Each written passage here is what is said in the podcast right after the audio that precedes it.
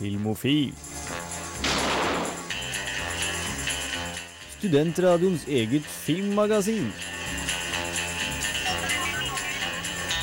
Lights ready? All set. Cameras. Hei, god kveld. Det er torsdag, og da er det selvfølgelig Filmofil. I dag skal vi snakke om reboots. Jeg lurer på om vi har hatt en lignende sending før, men vi gjør det på nytt. Så eh, med meg i studio til å gjøre dette her, så har jeg bak teknikk. Hans. Jeg har også med meg, Frida? og jeg har med meg Trine?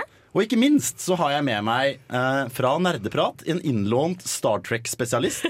Jeg har med meg Og Maren. Vi gleder oss veldig til å ha deg på lufta her med oss. Roen har senket seg i Trondheim etter at fadderuka er over, og vi er tilbake for å bryte stillheten.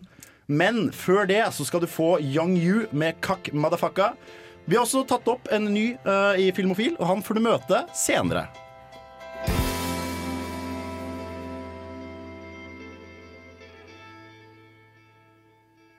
I Filmofil liker vi å prate om hva vi har sett siden sist. Og Hans, du yeah. har vel sikkert sett et eller annet? Jeg har sett en nydelig liten perle av en norsk TV-serie som heter Side om side. Nei! Nærmere bestemt en splitter ny episode av sesong jeg tror det er fire.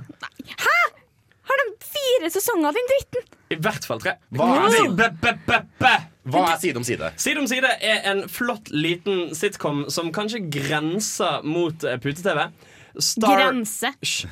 Starring eh, Mist Vidar Magnussen, eller hva han heter. Bergensk teaterskuespiller. Um, starring uh, mister han der ene fra uh, Radioresepsjonen.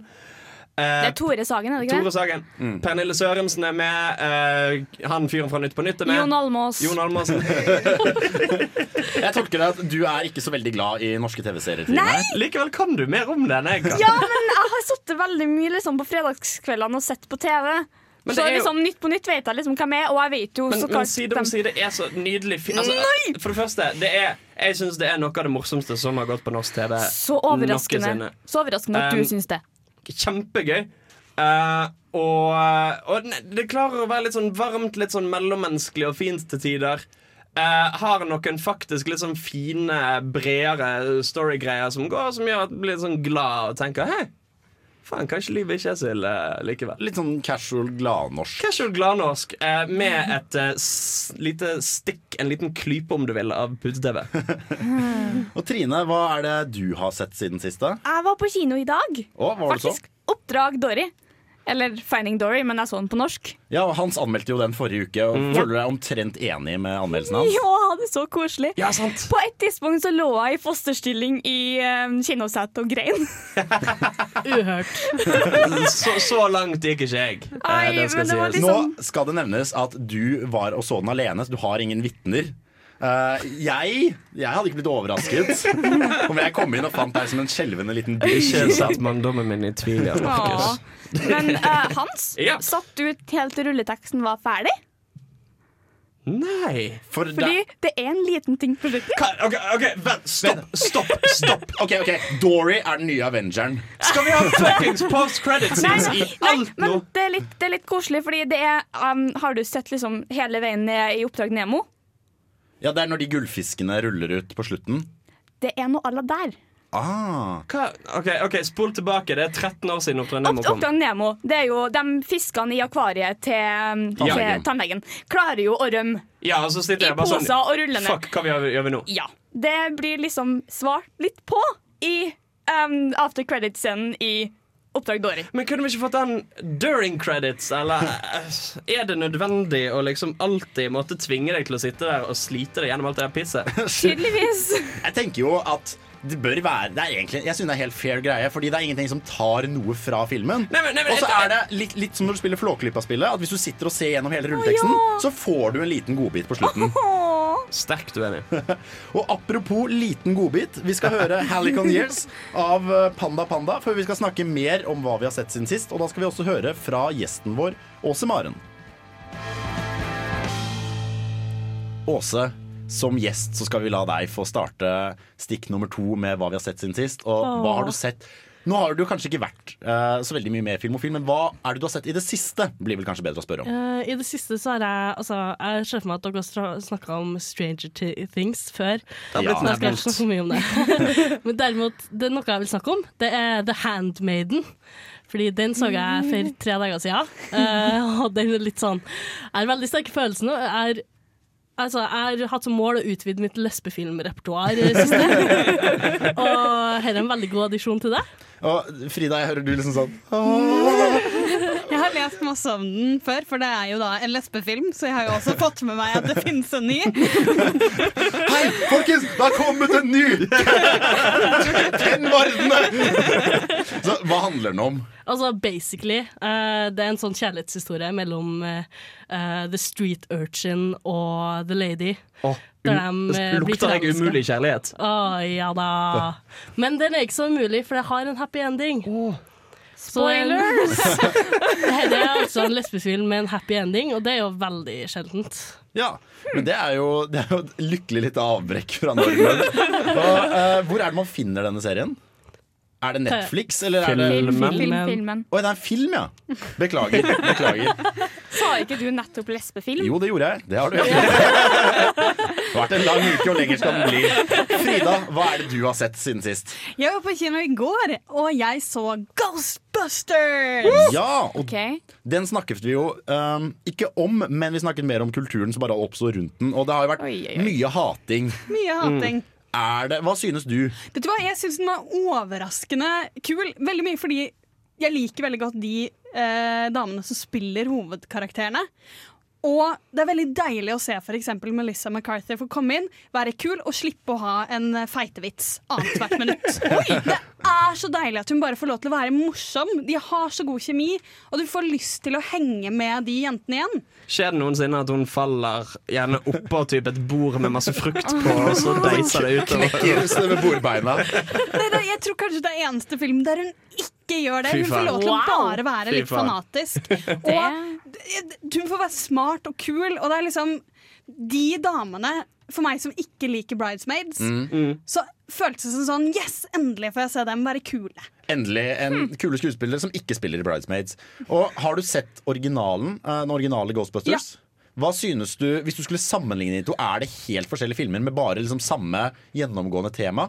De er litt ulike fordi eh, Blockbusters har jo utviklet seg veldig. Og den her Jeg har lest kritikk om at sånn plottet ikke henger så bra sammen, og det har de nok litt rett i. Fordi den første er veldig at du får at du følger liksom den historien om de som redder uh, New York. Og her er det mye mer sånn Nå henger jeg med et par kule damer en Ja, stund'. Okay. Men det er bare skikkelig gøy. Så det er rett og slett bare den uh, dialogen og bare de som har kjemi sammen, som får filmen til å fungere? Ja. Og jeg fikk så lyst til å bli ingeniør, og så kom jeg på eh, Jeg utdanna meg til ingeniør. God stemning. Vi skal få Natural Selection av Maja Vik.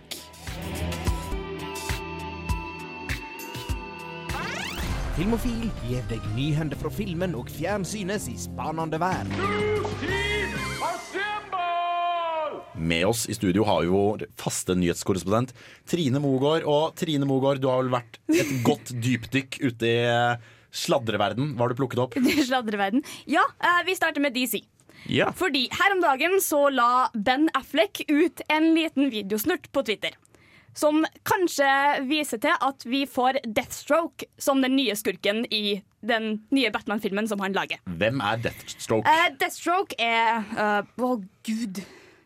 En, en DC Han, superskurk? han er en DC-villen. Han dukka opp veldig nylig i Arrow sesong to. Og hans alias er J... Oh, fuck. Jay, Jay J- annet. Jade, fuck! Det er ikke så farlig. Hva, hva, har han noen super, Slade, Slade, superpowers? Slade Wilson. Um, hvordan skal jeg forklare Fordi i Han gir folk slag. fordi, Ja. fordi i Arrow-universet så fikk han en dose med noe som heter Miracura. Um, Det høres ut som han fikk superkrefter. Nei, han, Er et mirakuløst middel? Nei, han er supersterk, da. Ja. Mer eller mindre. Jeg klarer ikke helt å forklare Deathstroke. Jeg hadde virkelig håpet at han spiste mer hvem han var, for jeg har ikke Jeg har ikke vært borti Deathstroke, ass. Beklager. Nei, fordi at han har jo ikke vært på Han har ikke vært på noen filmer før. Den eneste f filmen han har vært med i, er den animerte Son of Batman, som kom ut for to år siden. Når det er sagt, eh, jeg har kanskje litt tilleggsinformasjon som det kan hende jeg dikter opp akkurat nå. Eh, men Deathstroke sitt alias er som du sa, Slade Wilson. Yep.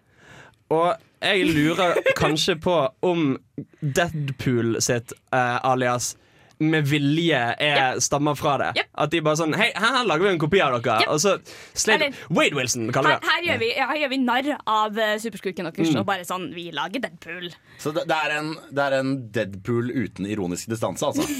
Noe sånt. Basically. Ja, eller mindre. Så det blir sikkert bra. Ja, nei, for dem som er veldig interessert i Batman-universet, så Deathstroke er en veldig bra skurk. For så vidt. Og det er, jo, det er jo en del som hadde håpa at kanskje det er The Joker som er skurken, men vi får se. Uh, vi hopper tilbake til Ghostbusters, vi. Ja.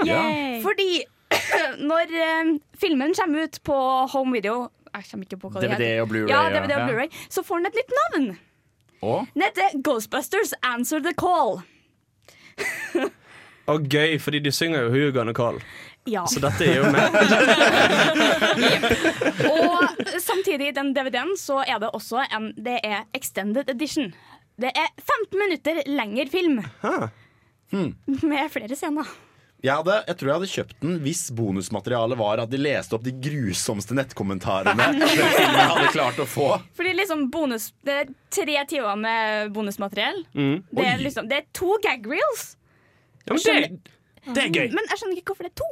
Hvorfor kan det ikke være én stor en? Godt spørsmål. Kanskje det er en sånn tematisert del. Da, at det er eh, som Frida nevnte her, at disse skuespillerne har veldig god kjemi, og at de egentlig bare sitter og prater drit. Og så blir det noe gøy som de egentlig ikke kan bruke i filmen. De er jo, dette er jo basen av liksom impro-skuespillerne. Mm. Og du merker i filmen at den har litt den tilbakelente sånn OK, denne scenen av at en gir noen fingeren, tar to minutter. Greit. Så det, det gir veldig mening at de skal ha lengre Litt sånn Anchorman-type greier. At de skal ha masse ekstra. Og det er jo veldig gøy i sånne, i sånne improviserte eh, ensemblekomedier hvor eh, veldig mange av utsagnene og, og, og ting er improvisert, så de sier forskjellige ting hver gang. Og i eh, blooper-reelsene så ser du alle tingene de har sagt, og så begynner de å fnise. Fordi um, videre i den DVD-en da, så skal det være fire slettede scener. Elleve um, alternative scener. Og tydeligvis over en time med ekstra alternative scener og extended scener. Det høres ut som du kan sette sammen en helt ny film med ikke Ja, noe det, av det, det originale. virker litt sånn. Så for dem som var veldig glad i Ghostbusters, vær så god! um, så, ja.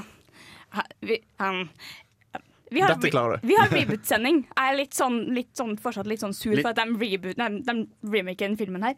De remaker jo da Jumanji. Ja, Som- med Robin Williams. Ja, den filmen, ja. den nytt, filmen fra 1995 med Mm. Robin Williams som er fanga inn i et brettspill. Eh, de har fått en ny skuespiller med på laget. Det er risky, og det er reboot en, så, en film som er så nært det Mm. Og den er bare, millennium-sjela 20, det, det, det, det er bare 21 år siden. Vent litt, det, da. Med fare for å kaste en brannfakkel her. Uh, jeg syns jo kanskje at de i hele reboot-greien Så har de på en måte begynt med noe veldig sånn høythengende frukt. Bare sånn Hæ?! Rebooter dere den?! Og så nå føler jeg Jum... Ja, kan, jeg, kan jeg få lov til å si nyheten min, eller? Ja, ja, jeg trodde det var nyheten. Nei, for det har jeg tatt opp for et par sendinger siden. Jeg er ganske sikker på uh, Karen Gillan fra Doctor Who og Guardians of the Galaxy har blitt uh, casta i filmen. Gøy.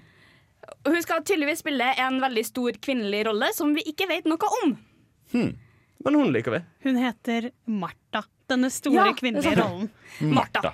Ja, det er mange som har tatt uh, um, uh, Batman v Superman-joke og bare Martha!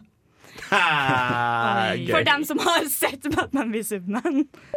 Har du en, uh, har du en siste nyhet Ja, jeg har en siste nyhet. Eh, Sam Mendes, som da har lagd uh, Spectre og Skyfall, de, mm. de to siste James Bond-filmene, skal lage en live action-versjon av Jack and the Giant Peach. Oi. Det er en Roald Dahl-bok, Ja. hvis ikke jeg tar helt feil. Og det høres ut som et mareritt. Ja, men hele, hele boka er jo Ja. en sånn feberdrøm Ja, men det var favorittboka mi da jeg var lita. Så det er litt sånn, why? De, de har jo en film allerede som er blanda animation og live action. Handler den om en gutt som spiser en stor fersken? Nei, han bor i en stor fersken. Han bor okay. Eller, Ja. eller Da det er en stor fersken ved siden av huset deres, og så går han inn, og så er det masse snakkende insekter som bor der, som han blir venner med. Men jeg tenker jo at Sam Mendes er jo en, eh, en dyktig regissør, så hvis noen kan klare det, kanskje det er han. Vi skal høre Fogg av Cold Creek før hans anmelder Nerve.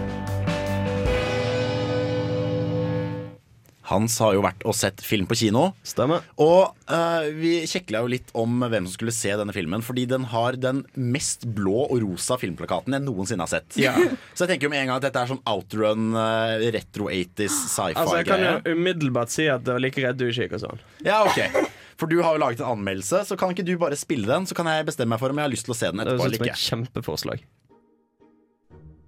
Det har kommet en del filmer og serier i det siste som har fått til å fange essensen av den generasjonen mennesker som er unge i dag. Spring Breakers klarte å avbilde trangen til å opphøye banale og hedonistiske ting til noe åndelig og fantastisk.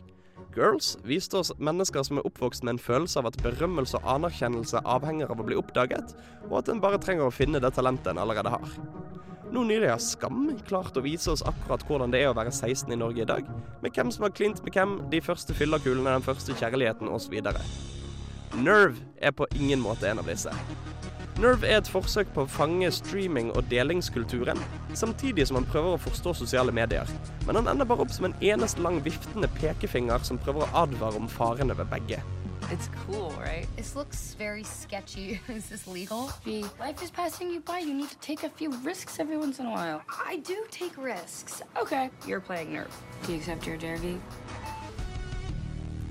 17-åringen Venus blir introdusert for et nytt spill, nemlig Nerve. Nerve fungerer som nødt eller sannhet minus sannhet, og en tjener penger for hver utfordring en tar. Etter hvert som Venus opparbeider seg flere seere, får hun mer og mer dristige utfordringer, med større og større pengepremier. Og der det til å begynne med noenlunde uskyldige saker, som å gå en tur i undertøyet eller kysse en fremmed, eskalerer det til farlige stunts som setter egen og andres sikkerhet på spill. Vil hun risikere liv og lemmer for å vinne store penger og oppnå internettberømmelse? Welcome to Nerve, a game like Truth or Dare minus the truth. Watchers pay to watch, players play to win, cash and glory. Are you a watcher or a player? Are you a watcher or a player? Are you a watcher, player, watch player? Filmen minner i grunnen mye om saken en hørte for noen år siden om ungdommer som døde når de planket for mye. Eller når det ble mediestorm rundt den fullstendig oppdiktede historien om underground-skatere som satte fartsrekorder nedover trafikkerte bilveier. Det føles som vår generasjons reefer madness. Nerve er som en middelaldrende ungdomsskolelærer som advarer om at selv om det er vel og bra å ha det gøy med vennene dine, så må du passe deg så det ikke går for langt. Oppfør deg heller fint og vær snill mot foreldrene dine, som dessuten sitter hjemme og bekymrer seg for deg, stakkar. Stranger for five stranger. seconds? Just kiss that guy.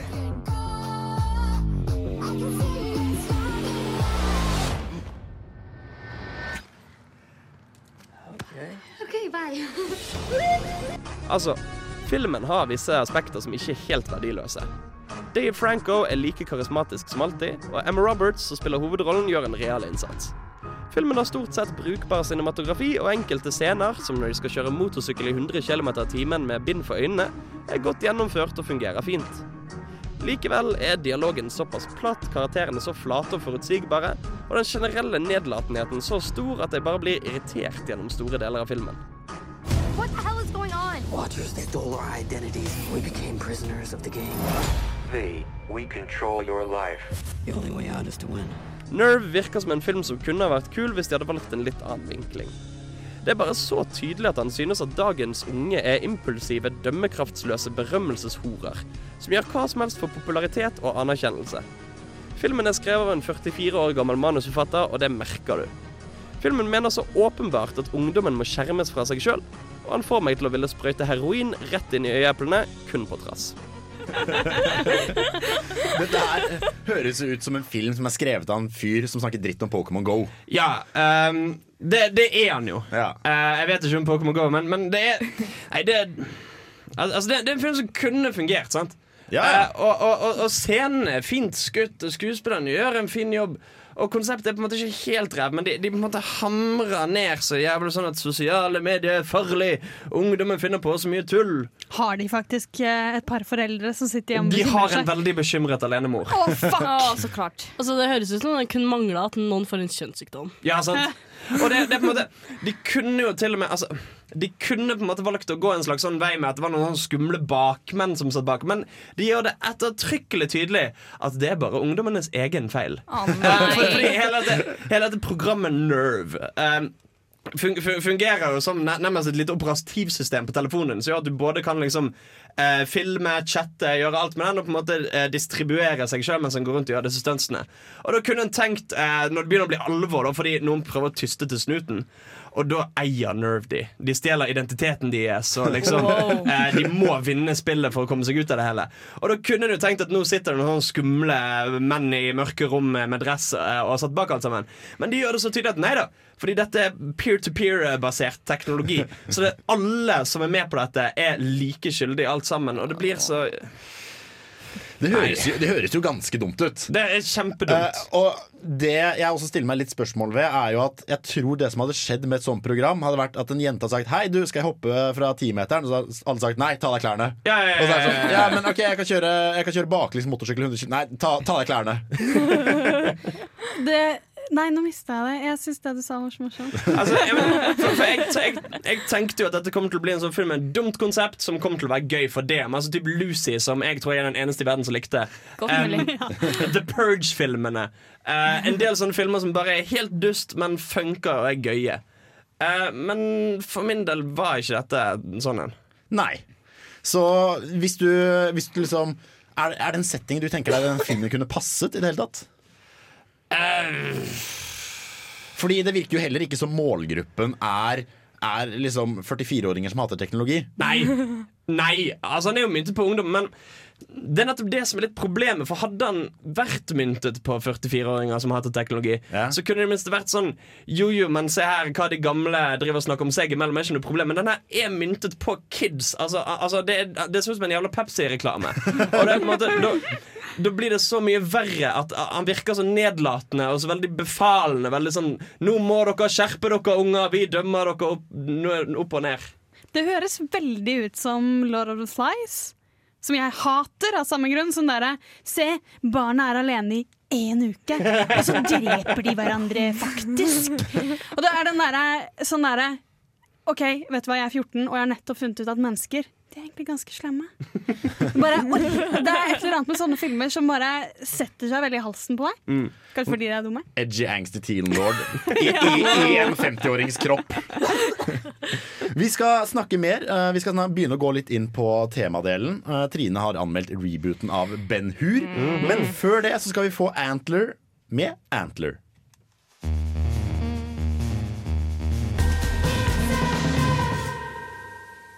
Vi begynner å bevege oss litt inn på temadelen med å snakke om eh, reboots. Og Trine, du har vært og sett en rebootet film. Ja, eh, grunnen til at jeg høres veldig sånn anspent og sur ut i dag, er for at jeg var og så den nye versjonen av Ben Hur.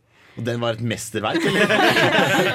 Jeg kommer tilbake til det i anmeldelsen, men jeg vil kauke litt om det nå òg. Slutten ødelegger hele filmen! Ja. Så det beste hadde egentlig vært om du bare gikk ut når det var 20 minutter igjen? Ja. Mer eller mindre. Hmm. Vet du hva, Jeg gleder meg til å høre den anmeldelsen her. Av og til kommer det en eller annen ny versjon av en film som i dag er sett på som en klassiker. Og du sitter der og tenker Trenger vi egentlig en ny versjon av den filmen her? Denne gangen har vi fått en ny versjon av Ben Hur. En eh, klassiker fra 1959.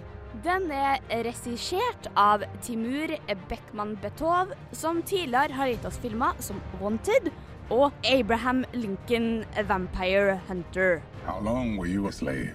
Five years. What is your name?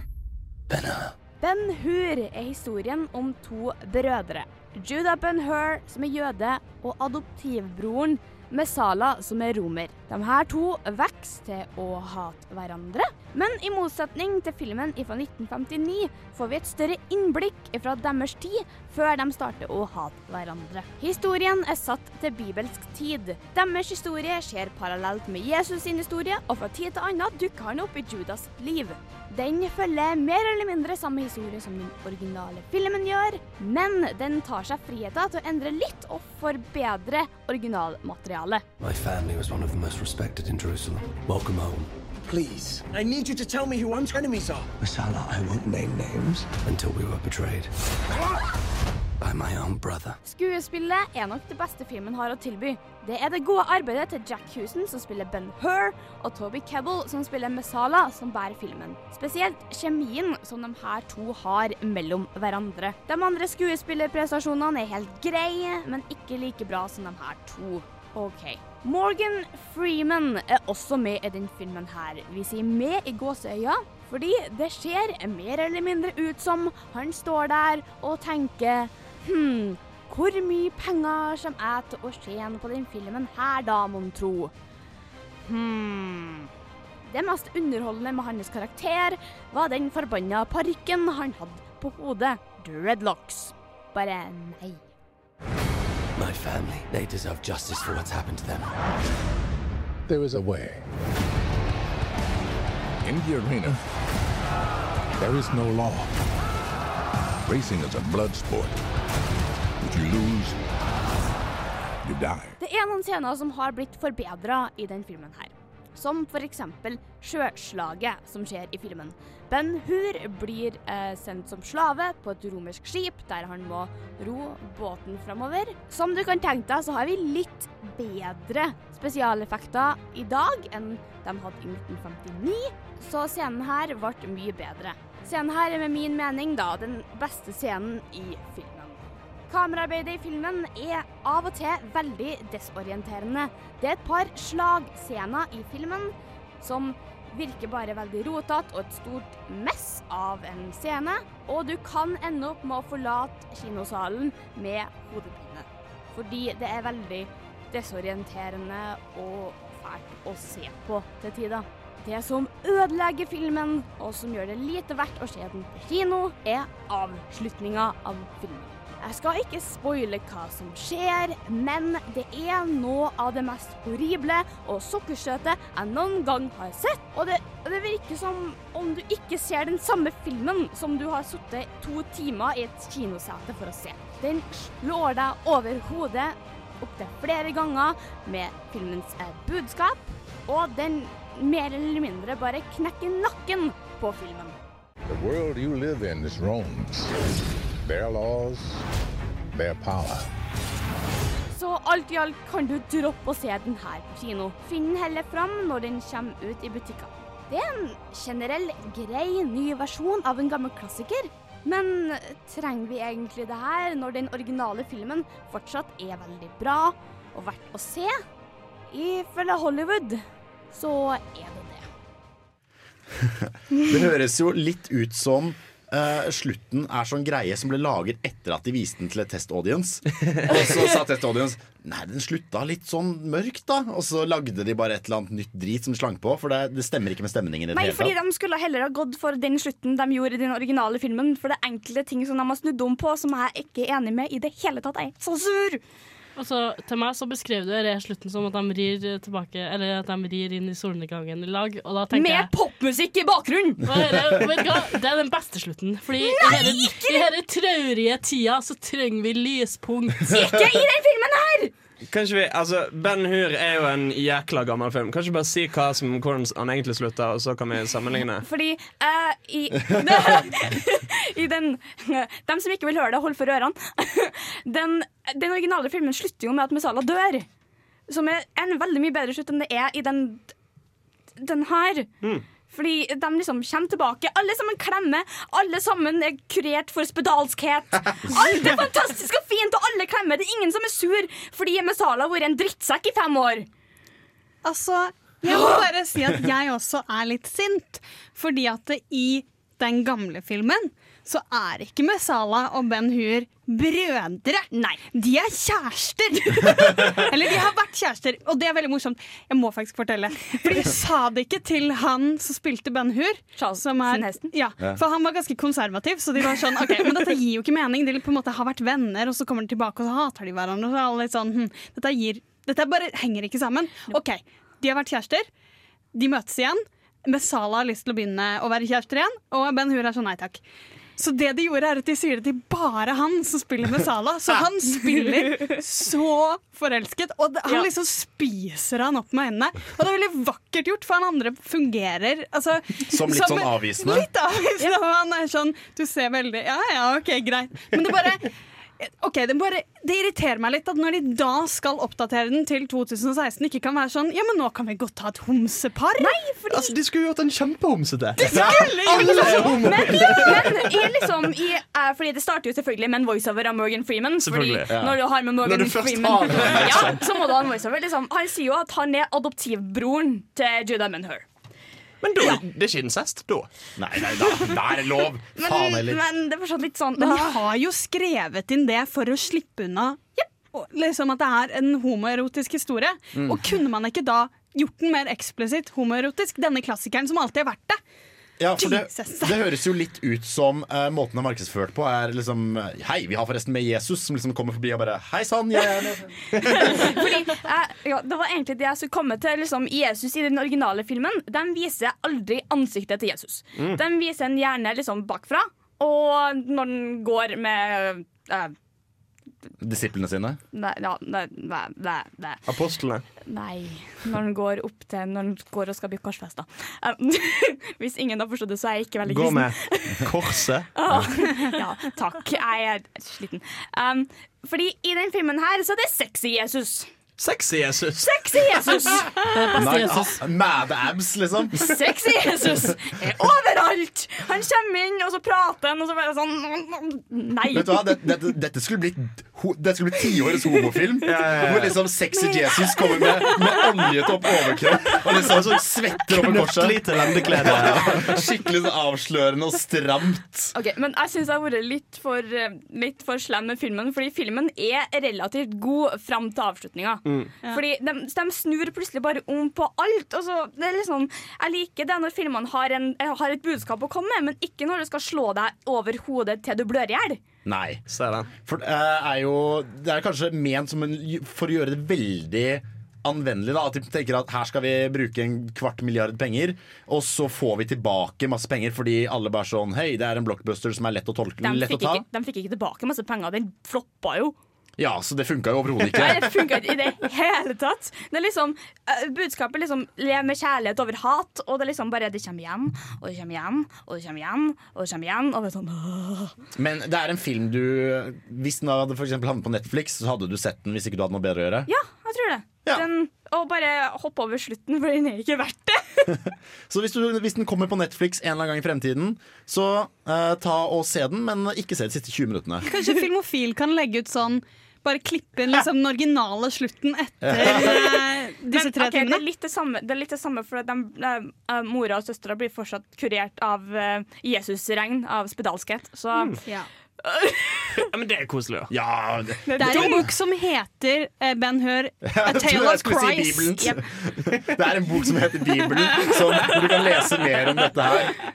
Men vi skal begynne å snakke mer om eh, reboots generelt. Men før det skal vi høre 'Paralysen av døden'. Så håper du koser deg med Filmofil.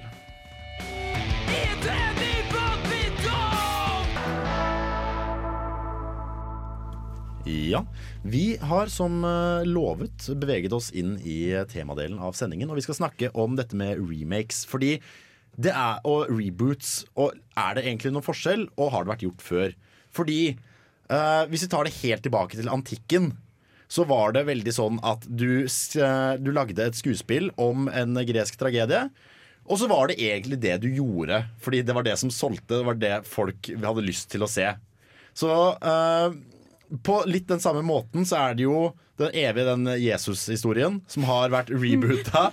Den Jesus-historien. Ja, men- Jesus-historien. Men liksom, eh, du følger, du følger mannen mann som ofrer seg selv, og så går det bra til slutt. Det er basically Bibelen. Ja.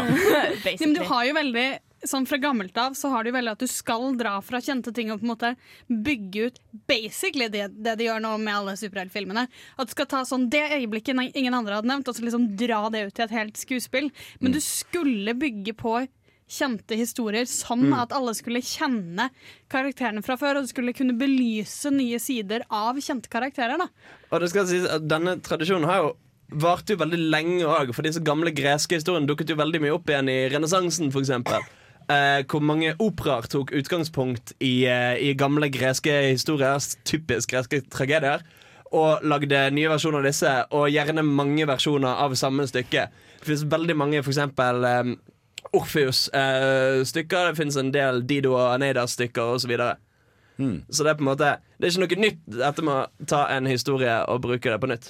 Og det er jo også mange grunner til at man gjør det. For eksempel så er vi jo eh, Disney hadde jo en veldig stor sånn greie på starten etter på 40-tallet. Hvor de tok, eh, og som de fortsatt gjør, tar masse eventyr. eh, og så rebooter de dem og egentlig lager sin egen franchise. At det var Snøhvit, men nå er det Disney-Snøhvit som er standard og normen.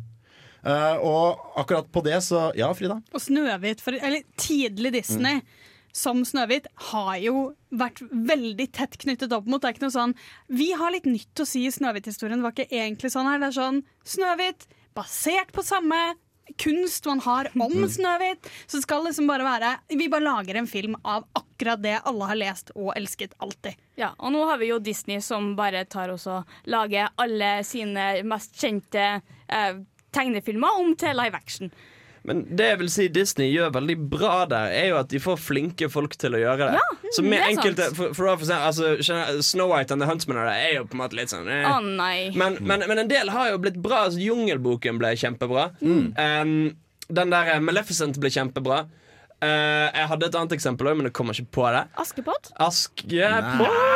Jo, jeg har hørt at den var veldig bra. Jeg har ikke sett den sjøl, men jeg har hørt, har hørt veldig mye positivt fra veldig mange. Men det de, har, det, de har, eh, det de også gjør, er jo for å kunne holde på den evige copyrighten på sine historier, så lager de da en ny film uh, for å på en måte fornye uh, Hva heter det? Ikke copyright, men uh, Opphavsrettighetene. opphavsrettighetene. Og uh, før så har de vel egentlig fona dette her litt inn. At de bare liksom sånn, vet du hva, å fuck, det er uh, skal vi se, datostempelet begynner å gå ut. På tide å lage en ny film om dette. Men nå har de vel kanskje sett seg at her er det en mulighet til å faktisk ikke lage ræva filmer. La oss heller Mm. bare gjøre det litt ordentlig. Men der nevner de jo noe som faktisk er veldig viktig med den gamle kulturen med å ta gamle historier, som vi snakket om, som er Som ikke helt går nå, når alt er opphavsrettiget. Mm. Så på en måte mister vi jo den muligheten til å være sånn Men vent, da, jeg har en mye bedre historie om Spiderman, folkens. Hvis vi tar det som våre myter, da. Disse superheltene. Og de er jo til en viss grad det, fordi det er sånn evig univers der du kan bare putte inn historien du har lyst til. Men der, der ser du altså, I, i tegneserieverden så ser du det at på en måte rebooting blir brukt veldig som et uh, virkemiddel for å tviholde på disse rettighetene. Sony. Eh, Sony da spesielt med eh, disse Spiderman-filmene. Eh, som var helt Selv om jeg syns de ble bra. Eh, så var de helt unødvendige, egentlig. Det var kun det at de tenkte hvis vi ikke lager dette, så går rettighetene tilbake til Marvel. Ja. men så har de gitt seg litt på det nå, da når de begynner å liksom låne Spiderman tilbake til Marvel. Så det går seg jo til. Ja, for det er jo en felle i det hele at før så var det jo egentlig ikke noe særlig stor sånn opphavsrettighetskontroll. Det var det, hadde du lyst til å skrive et stykke om eh, en person som var kjent fra før av? Når du sier før igjen, Markus Ja, du vet, sånn i går Nei. Eh, typ før, eh, før filmindustrien og i teater og bøker, så var det liksom, hadde du lyst til å skrive en sånn polp, eh, litt sånn ræva, eh, myk roman om et eller annet, så kunne du bare gjøre det. Mens nå er det litt hakket verre. Utenom fanfic. La oss bare nevne fanfic. Ja! Må vi nevne fanfic? Det ender opp med Fifty Shades of Grey. Men du har jo på en måte Det er jo en det er jo en vilje til å bygge videre på historier som du kan kalle rebooting. Sånn, Hæ, lå Mm. ikke de to karakterene? Men i mitt hode gjorde det. Jeg skrev bok.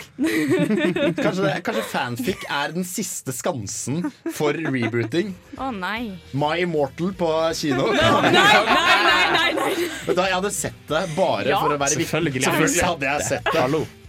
Men uh, vi skal snakke mer om uh, en uh, franchise som har blitt rebootet ganske nylig. Vi har med oss en ekspert i studio. Åse Maren skal snakke om Star Trek. Men før det skal vi høre Day of the Jackalope med låta 'Profiteer'.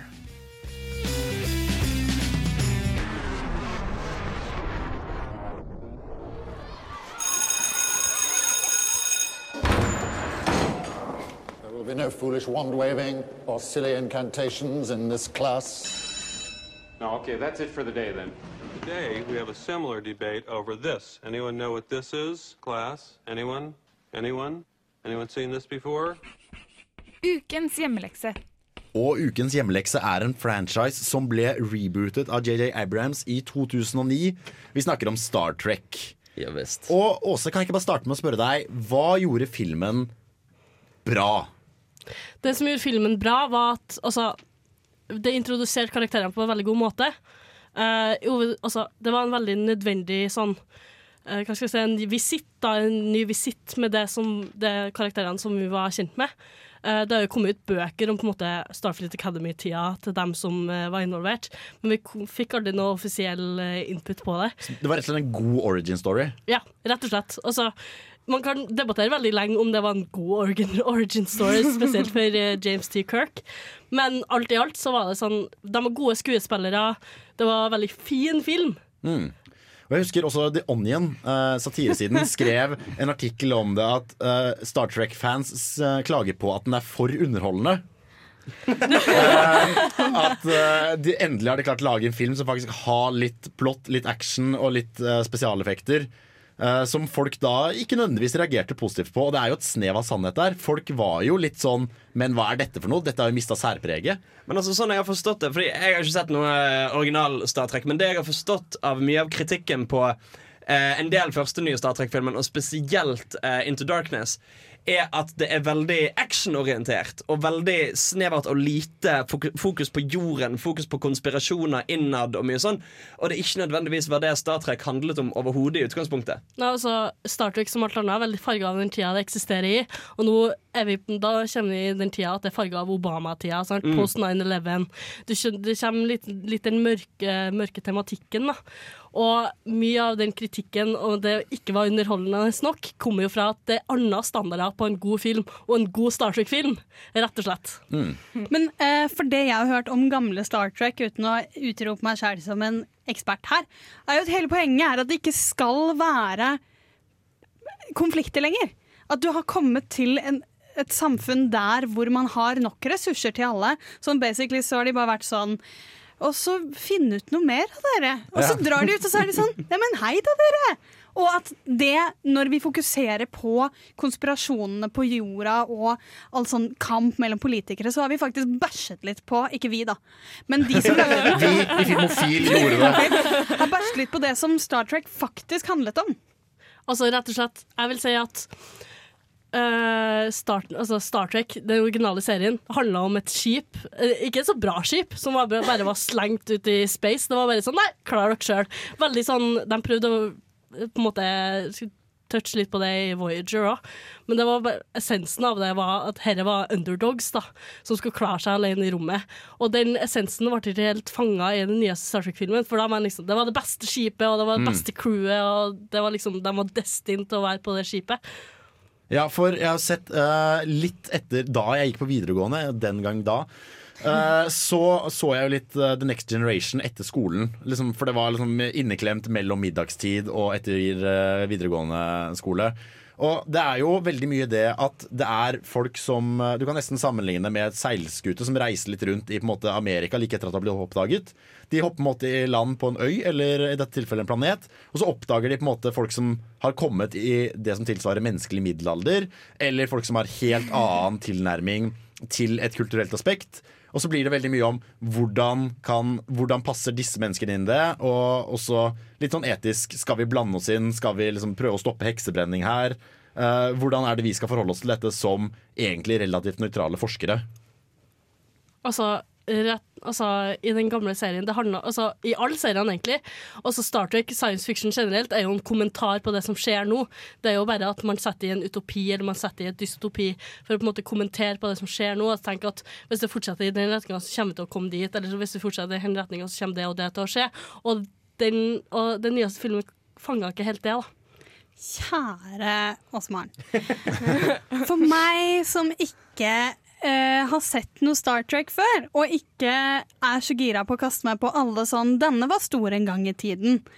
Hvorfor skal jeg kaste meg på akkurat Star Trek? Jeg hadde litt lyst til til å bli solgt nå akkurat nå, merket jeg. Og Star Trek vil jeg si at uh, i my in my humble opinion så er det en av de seriene som fanger essensen av sin tid best. Hvis du vil ha en case study i hvordan de tenkte på den tida, hvordan de ville ha tenkt på den tida, så burde du se Star Trek. Og så, Det er ikke bare en morsom serie, det er en veldig dyptgående serie. Og hele franchisen er på en måte Hvordan skal vi gjøre ting bedre, da? Og hva skal vi gjøre, og hva kommer til å skje i framtida? Det er veldig sånn høytgående. Så det var jo det som populariserte science fiction, det og Twilight Zone, det var på en måte the height på sin tid. da. Ja, så Du sier på en måte at uh, det, det crewet som drar rundt, gjenspeiler samfunnet på den tiden det ble spilt inn. Så du får på en måte testa et tverrsnitt av samfunnet i forskjellige dilemmaer. Og se på en måte hvordan, er, hvordan ville et ideelt samfunn slik vi forestiller i dag, taklet disse forskjellige situasjonene, og hva kan vi lære av det? Ja, rett og slett. Altså, de takler jo rasisme. De, takler, de hadde første interracial kyss på TV. De, Mm. altså, hvis det er sånn eh, social justice warrior, så, vil, så tror jeg du vil, vil få veldig mye nytelse ut av Star Trek. Bare eh, for akkurat eh, Jeg har jo selvfølgelig lest om dette første interracial kysset som ble gjort. Hva heter det på norsk? Interrasete? OK, interracial. Mellomraslige. Mellomraslige kysset. Det hørtes veldig feil den. Jeg velger å holde på den terminologien. Tusen takk, Hans. Så det første mellomraslige kysset som ble gjort på TV Så eh, De ville ikke vise det, så de måtte spille inn liksom to versjoner. Eh, En hvor de liksom gir hverandre klem, og så en hvor de kysser. Og så var han, han eh, mannen Jeg vet jo ikke hvem det er, men han mannen eh, var i hvert fall litt sånn «Ja, Men faen heller, disse her har jo flørta hele tiden. Det blir, eh, og det, herregud, det er jo kjempeviktig for TV-historia at det blir gjort. Så han ser inn i kamera. William Shatner også. Ja. Mm. Så han ser inn i kamera. På der hvor de gir hverandre klem, så ser han sånn og ser ganske dypt inn i kameraets linse, sånn at de ikke Ja. kunne bruke det klippet. Ja. Så da ble det sånn i klipperommet sånn Ah, fuck it! Vi får lage TV-historie isteden. Ja, Altså, Startic har jo lang historie med at skuespillerne er veldig mange vågale enn en dem som regisserer. Altså, Gene Roddenberry var jo veldig sånn Og på Shrooms så var sånn Å, her er det ideelle samfunn. Men så kom skuespillerne og bare Vet du hva, fuck it. Eh, la oss dra det helt ut. La oss ha homofile og svarte og asiater. La oss bare ha hele gjengen, på en måte. God stemning. Vet du hva? Jeg tror jeg skal sjekke, jeg tror jeg skal sjekke ut litt tidlig årgangs Star Trek. Men før vi får gjort det, og før vi skal videre i programmet, skal vi høre Spinn, spinn, spinn av Motorpsycho her på Filmofil.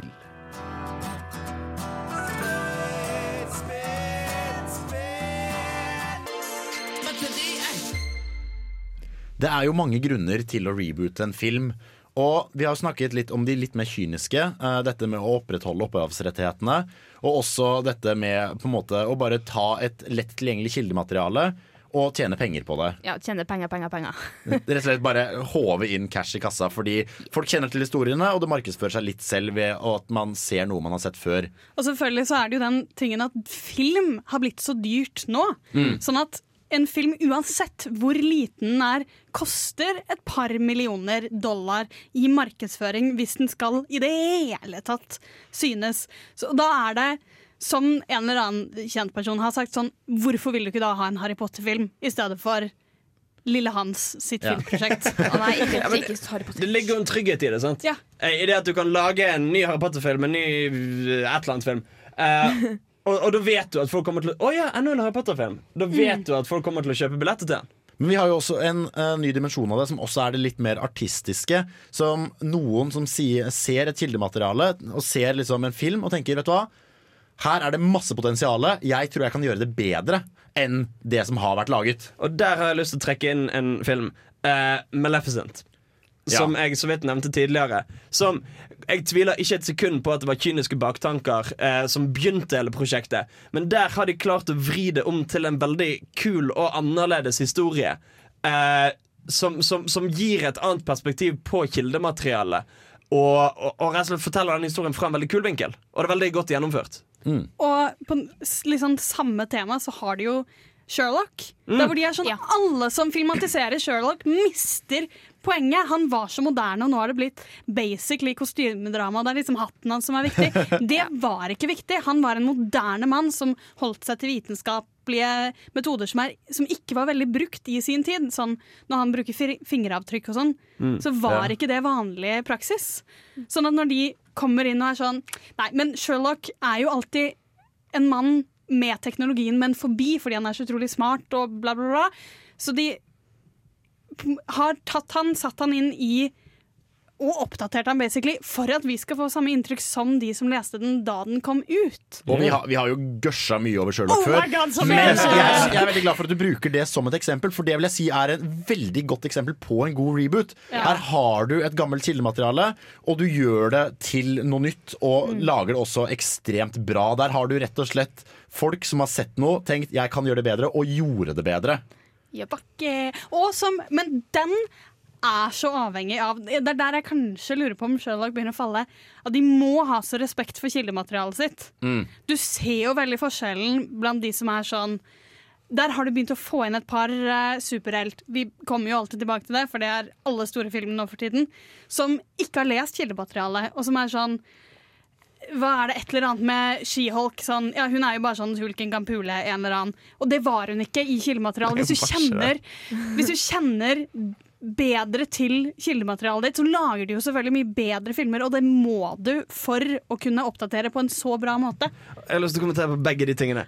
Okay. for, for, for det første Uh, Jeg er enig til en viss grad. Jeg vil kanskje Eller ok, La meg formulere det sånn at jeg syns kanskje at Sherlock-folkene, Benioff og company, eh, respekterer kildematerialet til en så stor grad at de lar seg ta friheter med det.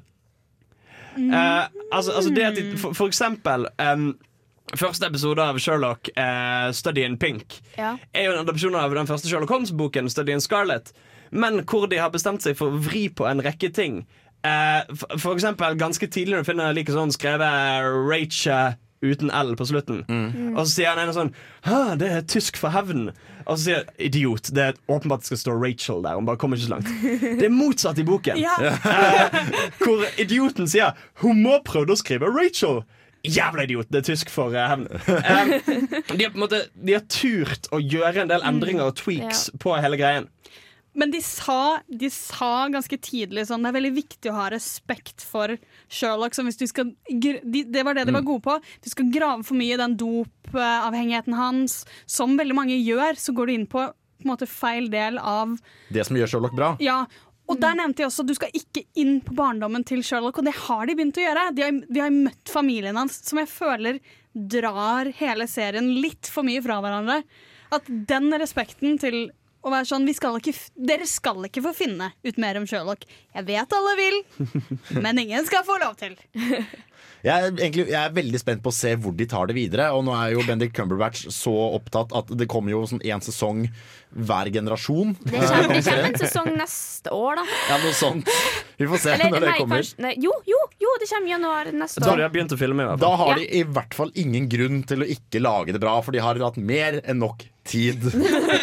Vi, Nei, skal, tid. vi skal bevege oss eh, videre, og vi skal snakke litt om en filmlåt som har uh, reboota seg selv og laget en meget god cover. Wow. Men før det skal vi høre en annen låt. Det er Ung og blank av Hvitmalt gjerde.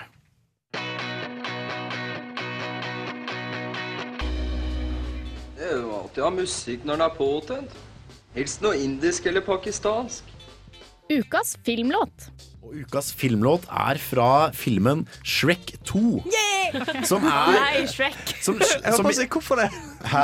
Hvorfor det? Hvorfor den er fra Shrek 2? Det er uh, 'Holding Out for a Hero', som vi kommer til, uh, sunget av Jennifer Saunders. Egentlig veldig bra sunget.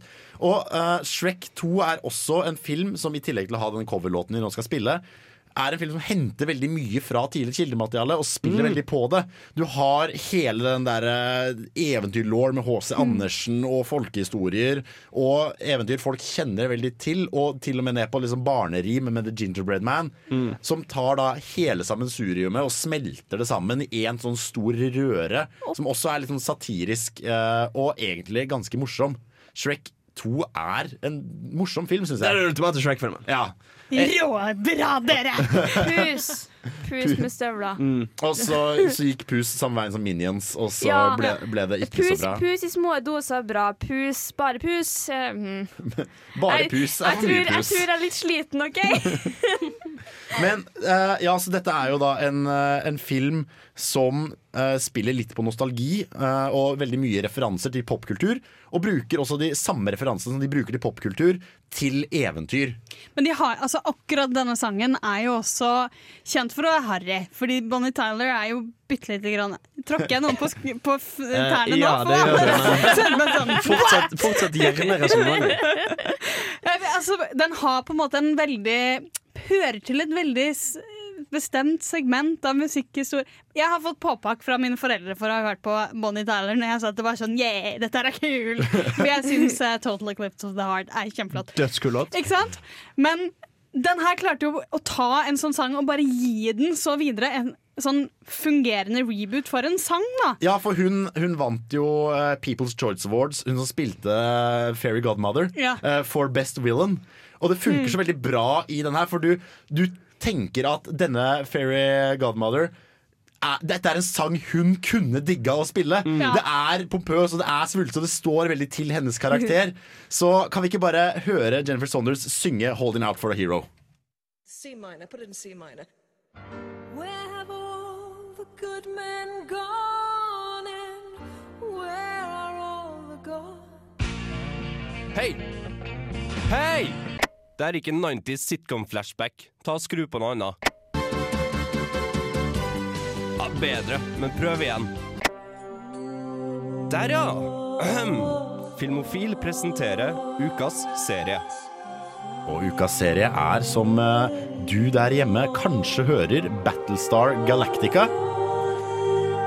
Og vi kan sikkert dempe Ja, det var veldig fint. Dempe Det var stemninga. vanskelig å finne riktig spak.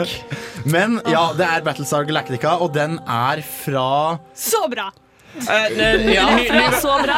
ny versjonen er fra 2007-ish. Ja, og eh, den har jeg ikke sett, men jeg har heldigvis med meg to mennesker som har sett den. Og eh, vi kan la gjesten starte først. Og så- Jeg, jeg tror vi har tre. OK, vi har, vi har tydeligvis tre. Jeg tror aldri jeg tror aldri jeg har sett deg så såret i hele mitt liv. Du bare går ut fra at jeg ikke har sett noe på Battlestar. Galactica. Ok, Vi har tre mennesker. Okay, men vi kan vi ikke la gjesten vår uh, pitche Battlestar Galactica først? Vet du hva, Battlestar Galactica er en av meg Altså, nå bruker jeg ordet dyptgående veldig mye. Men Battlestar Galactica er et prima eksempel på god sci-fi.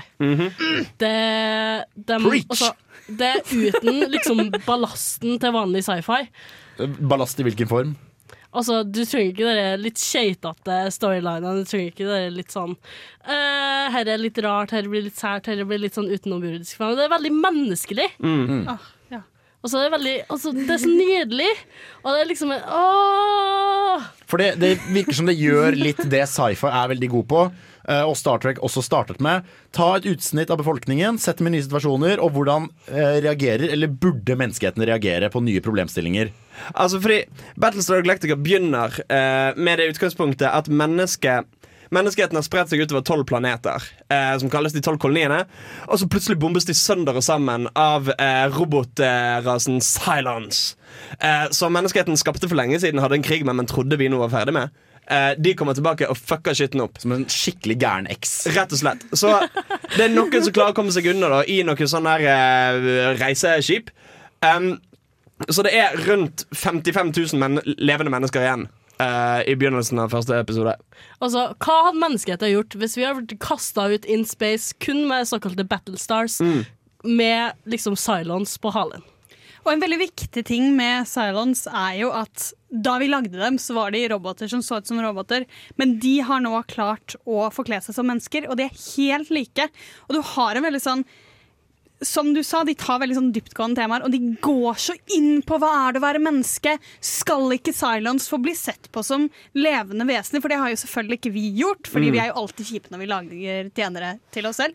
Og nå kommer de tilbake på en måte litt sånn rettferdig hevn. Ja. Og, ja, for, for det er litt sånn grumsete bakhistorie. Hva har egentlig skjedd? Hvem skjøt først? Litt sånne ting. Eh, og, og som, som du sier, Han tar opp en del ganske heftige spørsmål. Altså, altså, særlig rundt religion, rundt verdien av demokrati. Altså Når en er i en så fastspent situasjon, og ting begynner å roe seg og stabilisere seg, når er det på tide å begynne med folkevalg igjen? Sånne ting. Eh, han klarer å utforske en del trekk ved menneskeheten og sivilisasjonen i liksom denne lille parallellen til de folkene. Altså, det er det evige spørsmålet. Har roboter en sjel? Hva skal vi gjøre med Mm. AI-en vi skaper? Er de mennesker og vesener på lik linje med oss? Og her er et spørsmål som har blitt tatt opp igjen og igjen og igjen. Men jeg syns ikke det er så mange sci-fi som har gått inn på det så Nei, djupt, og jeg syns ikke det er så mange sci-fi som faktisk har klart å nesten svare på det spørsmålet. da. Og de har, de har jo også veldig mange karakterer som eh, ikke vet selv, fordi ofte programmeres de til å tro at de er mennesker sånn at de skal spille det bra. Sånn at du har mange mennesker som går rundt og ikke vet om de er ekte. Oh. Og det ligger som sånn eksistensiell f bare frykt under hele serien, der hvor de ikke engang vet selv er jeg med oss, eller er jeg med fienden. Men hvis jeg er her og mener at de er fienden, er ikke jeg da med oss? Og de bare tar det så seriøst. Så det Mm. helt ned det føles så lite flåsete ut. Grunnen til at vi snakker om denne serien i dag, er jo selvfølgelig fordi at det er en slags soft reboot, soft remake, av en serie fra 70 70-tallet. Som også het Battlestar Galactica. Som var veldig sånn her Du kan nesten se at flyene henger fra eh, små liksom, Sånn tråder. fiske- fiskesnører. Ja, ja, ja. Um, og som, som da nå på en måte er implementert i remaken med at mye av det vi så i originalserien, er det som er forhistorien fra de første Cylon-krigene, som nå er 40 år siden i den nye serien. Så det er litt sånn Jo, det som skjedde i originalserien, skjedde fortsatt litt, men samtidig så har vi de samme karakterene nå. Ja, ok, så det, ja, jeg skjønner. De har på en måte ja, Noe har skjedd, uh, men Mm. vi gjør det på nytt. Du Hans, Ja. du vil ikke forklare hva soft reboot er for noe? For den der hjemme som ikke vet hva det er for noe? Altså på en måte at, at de rebooter og lager det på nytt, men ikke på en veldig absolutt måte. Eh, altså du har jo litt For her, her er jo hele poenget at de har ikke bare lagd hele serien på nytt. De har fortsatt implementert en del ting, forandret på en del ting. Så det er på en måte i grenseland mellom hva som kan eh, kalles for en reboot, hva som kan kalles for en oppfølger. Eh, generelt, det er litt sånn her kreativt svevegrumsområde rundt eh, det hele. Det høres ut som en uh, skikkelig skikkelig bra sci-fi-serie. Det er knallbra. Det, så bra. Fantastisk. Fantastisk. Oh så God. jeg vet hva jeg skal gjøre når helgen kommer. Uten tvil. Vi skal videre i sendingen. Vi skal få Get Me Drunk av As She Said. Og deretter skal vi prate litt mer om innholdsoppdatering av reboots. Vi har jo snakket om reboots, og det er jo Det vi kanskje ikke har snakket så mye om enda, er ikke nødvendigvis selve handlingen og ting som gjøres på en moderne måte, men rett og slett bare innholdet som er for gammelt. Og du, eh, Frida, du nevnte jo 'Breakfast at, at, Tiffany's' som et eksempel eh, imellom låta her. Ja, 'Breakfast at Tiffany's' er, eh, som kanskje mange vet, det er en veldig fin film med Audrey Hepburn som gjør en ordentlig god rolle som Holly Golightly. Men den har også klart å skvise inn som humor det verste rasistiske stereotypen ever. Av en Det er vel Mickey Rooney? Eh, Jo, jeg tror det er det han heter. Som spiller en kinesisk mann med liksom store briller og store fortenner. Og bare sånn Tenk verste karikaturen dere har sett! Og det bare, det bare skitner til hele filmen. Sånn at Jeg så den nettopp igjen, og den er ordentlig fin, den kjærlighetshistorien mellom hovedkarakterene. Men jeg klarer den ikke, ass! De, de kunne bare klart seg uten. Ja, du blir sittende med sånn eh, kunne, vi bare, kunne dere ikke bare hoppet over det? Og der tenker jeg at det er en verdi i å reboote og oppdatere innholdet. Kanskje bare plukke ut den rasistiske karakteren. Mm. Du har jo det samme, eh, for å dra oss litt ut av film, men du har det samme problemet hver gang man skal sette opp eh, 'Troll kan temmes', av, eh, eller 'Taming the Shrew' Shrew av eh, Shakespeare. Den, det stykket som Ten Things I Hate About You er basert på. For basert på den, den slutter med at basically eh, han mannen da eh, Heath Ledger da banker opp Kate og er Nei. sånn Men nå er du eh, Nå er du temmet. Nå er du temmet Og det er akkurat det! Og så holder hun en tale om sånn hvor viktig det er at kvinner på en måte skal være under mannen sin. Så hver gang man setter opp dette stykket, så har du det problemet sånn Men det går ikke. Ja. Det hadde ikke eh, men, Mener du det, han? Sorry, det, det, er noen, det er noen filmer du kan lage nå på nytt som du rett og slett bare må vri på de store vendingene. Fordi det er ikke lenger moderne. Det, det funker ikke i dagens samfunn. Og det er litt sånn som vi snakket om med Ben Hur, da, hvor jeg hadde ønsket at denne litt sånn homoerotiske undertonen de har hatt der, kunne de tatt opp, og det hadde vært en verdi i å gjøre den på ordentlig. Rett og slett bare kjøre på med mer babyolje og masse fjærboer. Akkurat det. Vi skal høre 'Strangers From The Sky' av Death by Unga Bunga. Vi nærmer oss dessverre slutten av denne sendingen torsdag kveld her i Lukasbygget i Trondheim. Men eh, vi har allerede begynt å se fremover mot neste ukes sending. Da er det Stanley Kubrick-tema. En liten sånn indie-regissør som noen kanskje har hørt om. Tenkte vi skulle gjøre det, gjøre litt sånn spennende, litt sånn underground. Eh, men vi har eh, hatt det veldig koselig, sier jeg på vegne av hele Fordi jeg, Hvis jeg bare ikke lar noen komme til, så må det stemme. Med meg i studio så har jeg hatt på teknikk Hans. Jeg har hatt med meg som eh, fast innslag fra Dansk Filmskole. Frida? Jeg har hatt med meg som nyhetsreporter. Trine. Og jeg har hatt med meg som meget kunnskapsrik gjest om Battlestar oh. Galactica og Star Trek. Og svaren. Jeg heter Jan Markus, og du har hørt på Filmofil. Håper du koser deg. Nå får du Skal Ja! du si hei? Vi har jo også et helt nytt ansikt i studio. Eh, kan ikke du introdusere deg selv eh, veldig kjapt? Hei, hei. Jeg heter August. Eh, jeg er ny her. Ja, Han er ny i Filmofil, så han kommer du til å høre mer av etter hvert. Men akkurat nå var det alt for denne gang. Takk for oss. I just start